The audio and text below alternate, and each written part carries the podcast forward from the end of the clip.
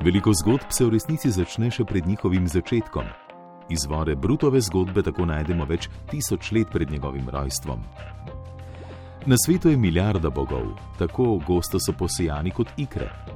Večina je premajhnih, da bi jih sploh opazili in častili.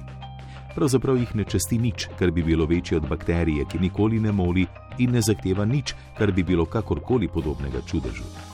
Vsi so majhni bogovi, duhovi prostora, v katerem se križata dve poti mravelj, bogovi mikroklime tam spodaj, med koreninami trav. In večina ostane takšna, ker jim manjka vera.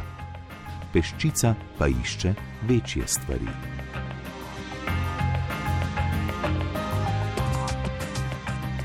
Slišali ste odlomek iz sedme strani knjige Small Gods, Mali bogovi, avtorja Terija Prečeta. Slovenskega prevoda knjiga nima, zato sem se z njim poigrala Darja Pograjc, prebral pa ga je Dejan Kaloper. Pravkar slišano bo v kontekst postavila naša tokratna sogovornica Urša Kačar, računalničarka z ljubeznijo do branja. Njeno spletišče je blebet.si, njen Instagram blebetavka, njeno navdušenje nad knjigo pa brezmejno. Zelo malo knjig preberem dvakrat, male bogove sem pa zdaj že tretjič. Tako, prvič sem jo prebrala v srednji šoli. In takrat mi je bilo zelo všeč, eh, sploh ta humor se mi je zelo dopadel, ampak nekega globokega vtisa pa takrat name ni naredila. Je pa pol po drugem branju, to je bilo lani, 15 let kasneje, takoj postala ena mojih najljubših knjig. In meni se je ta zgodba tako zarila v možgane, jaz nisem mogla nehati razmišljati o njej in zaradi tega sem jo pol letos prebrala še enkrat. Zdaj pa glede na to, koliko enih novih podrobnosti sem odkrila šele po tretjem branju, mislim, da jo bom mogla prebrati še, še kdaj. Male bogove je Sir Terence David John Pratchett ali preprosteje Terry Pratchett, sicer eden najbolj znanih fantazijskih avtorjev, izdal v 90-ih. Zgodba se torej odvija v fantazijskem svetu, ki je povsem drugačen od našega, tudi drugačni fizikalni zakoni veljajo. Dejansko gre za ploščat svet, ki stoji na štirih slonih, ki stojijo na ogromni želvi, ki plava skozi vesolje. In zanimivo je to, da v tem svetu so heretiki tisti, ki govorijo, da je svet ploščat, ker načeloma velja prepričanje, da je svet okrogel in krožijo okrog sonca. Um, totalno absurden svet, ampak Terry Pratchett je bil vsekakor izjemen opazovalec in pa poznavalec človeške narave in človeške družbe in pol skozi ta fantazijski svet vlečejo sporednice z našim in nam nekako pokaže neumnost nekaterih naših prepričanj in razmišljanj je bil. To torej pomeni, da. Ja, Terry Pratchett je žal že pokojni, se je pa bralcem prikupil z serijo, s fantazijsko serijo, ki jo pri nas prevajamo kot plošča. In v njej je vsega skupaj 41 knjig. Ena od teh je tudi tale Mali bogovi. Bi pa rada tle omenila, da gre za samostojno knjigo. Torej, lahko jo beremo, brez da bi imeli kakršno koli predznanje o tej seriji. Govorimo o seriji A Novel of Discworld. Ja, Discworld je originalno ime te serije. Uh -huh. Zanimivost te serije je, da knjige nimajo nekega določenega zaporedja, v katerem jih moramo brati. Eh, zdaj so neke podserije, v katerih so, se pojavljajo isti liki, ista mesta um, in tam je treba biti pozoren na zaporedje, ampak je pa tudi nekaj povsem samostojnih knjig in Mali bogovi je povsem samostojna knjiga. Je pa bila izdana leta 92. 92, mislim, da se pa bere, kot bi bila napisana lani. In zdaj neizogibno vprašanje, kdo so mali bogovi? Res rada bi najprej povedala točno to, kdo so mali bogovi. Zdaj na tem svetu bogovi dejansko obstajajo, tudi fizično. Recimo v knjigi je en tak zelo posrečen, zelo posrečen prizor, ko nekdo javno govori proti neki politeistični religiji in se izkaže, da je bogovina iz te politeistične religije v množici, ki tega človeka posluša in od same užaljenosti van zabriše amforo. Tako da bogovi res obstajajo in zdaj. Moč Boga je pa odvisna od gorečnosti vere in od števila njegovih privržencev. Torej, najmočnejši bogovi so tisti, ki imajo največ vernikov, mali bogovi so pa bogovi, ki, v katere nihče več ne verjame. Torej, zgodba se začne v Omni, tam um, vlada monoteistična religija, na čelu katere je veliki bog Om, um, na oblasti je pa duhovščina.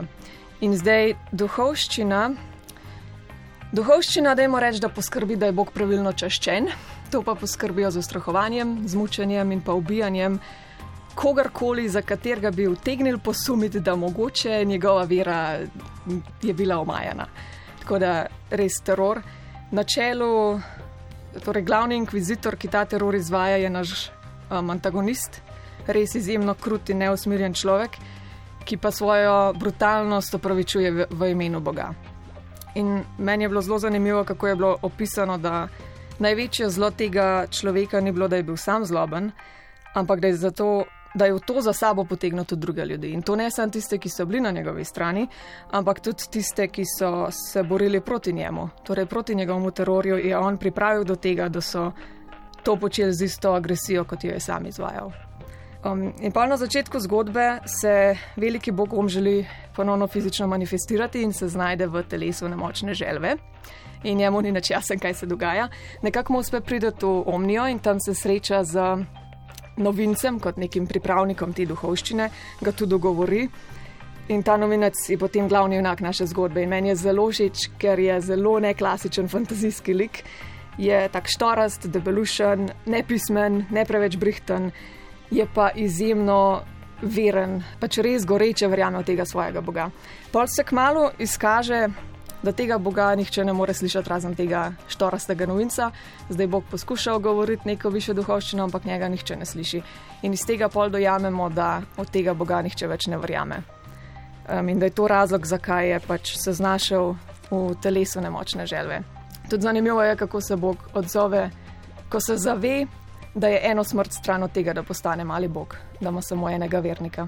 In tle je predstavljena ne ta ideja, da ideja o religiji, ki je postala tako močna, da je izrinila Boga, da ljudje verjamejo v molitve, verjamejo v rituale, verjamejo v institucijo, najboljše verjamejo v inkvizicijo, ne verjamejo pa več v Boga. In pol med Bogom in njegovim edinim vernikom se plete ta zelo, zelo zanimiv odnos. Res, ko spremljaš, kako je ta novinec, ki je celo življenje slepo verjel v tega Boga, ko se on zaveda, on ve več o Bogu kot Bog ve o sebi on mu začne pač tam recitirati neke svete verze, božje zapovedi. In Bog je tako, kaj to govoriš, jaz tega nisem rekel. Ali pa recimo, ko Bog vidi, da mučijo ljudi in je povsem ogorčen, kaj vi delate, jaz vam nisem rekel, da mučite ljudi v mojem imenu. Ampak hkrati, tako s časom, začne pa pol novinec se tudi upirati Bogu in mu reče: Pa ti bi lahko vedel, da se to dogaja, ti bi lahko, lahko bi ti bilo mar za tvoje vernike, tebi bi bilo samo vse en in zaradi tega nisi vedel, kaj se dogaja. Um, tako da res je zanimivo spremljati, no, kako se pa ta pripravnik, ta novinec skozi knjigo začne spraševati, kaj je tisto, kar je res dobro, kaj je etično, kaj je moralno. In začne dvomiti, nikoli ne podvomi v svojega Boga, ampak začne pa dvomiti v njegove besede. Kar globoka zgodba, pravzaprav. Ja. Veliko nekih premislekov. Recimo, meni je zelo všeč, da čeprav gre zelo jasno za satiro, pa kritiko religije, oziroma v kaj se leta lahko sprevrže, kljub temu pisatelj ni nikoli žalil pa tako ne moralizira in ne kaže s prstom. Res izjemno je to napisal. Pa mogoče po tem, kar sem povedala, je kar težko verjeti, da v resnici gre za humorno pripoved. Ta knjiga je res ful smešna, čeprav obravnava take težke in pa um, resne teme. Za zaključek pa še obvezno priporočilo in to lažba. Ja, to knjigo bi vsekakor v prvi vrsti priporočila vsem ljubiteljem fantazije, gre za zelo klasično fantazijsko delo, ampak Meni se zdi, da ta knjiga je veliko več kot samo fantazija in bi znala biti všeč tudi kakšnemu ciniku ali pa nekomu, ki ima všeč ta britanski humor in bi si rad prebral neko satiro današnjega časa. Bi jo pa mogoče priporočila tudi vsem, ki zadnje čase malo spremljate, spremljamo svet okrog sebe in se sprašujemo, kdaj in kako smo tako zašli, ker ta knjiga v resnici nosi zelo močno sporočilo, da moramo biti strpni drug do drugega, da moramo biti dobri drug do drugega. In pa kar se meni zdi najpomembnejše, da ne smemo nikomor pustiti, da bi nas spremenil v nekaj, kar nismo, tako kot je ta ne, veliki inkvizitor dobre ljudi spremenjal v slabe. Pa na koncu lahko potolaživa, nista povedali preveč. Jaz sem povedala samo glavni zaplet. Ta knjiga ima res, ponuja res toliko enih uvidov in misli, da Če bi želela povedati preveč, bi bila lahko tukaj cel dan. Torej, veljajo prebrati večkrat, eh, pa se vanjo res poglobiti. Ja, bi rekla, da tako, ta knjiga se bere zelo lahkotno. Tako da, če jo bo kdo bral naj se mal nazaj drži in res bere počasi, ker drugače izgubiš toliko enih detajlov. Še, še zmeri gre za dobro knjigo, tudi če jo hitro prebereš, ampak ko jo pa enkrat res bereš stavek za stavkom, odkriješ v njej toliko enih stvari, da res je čudovita.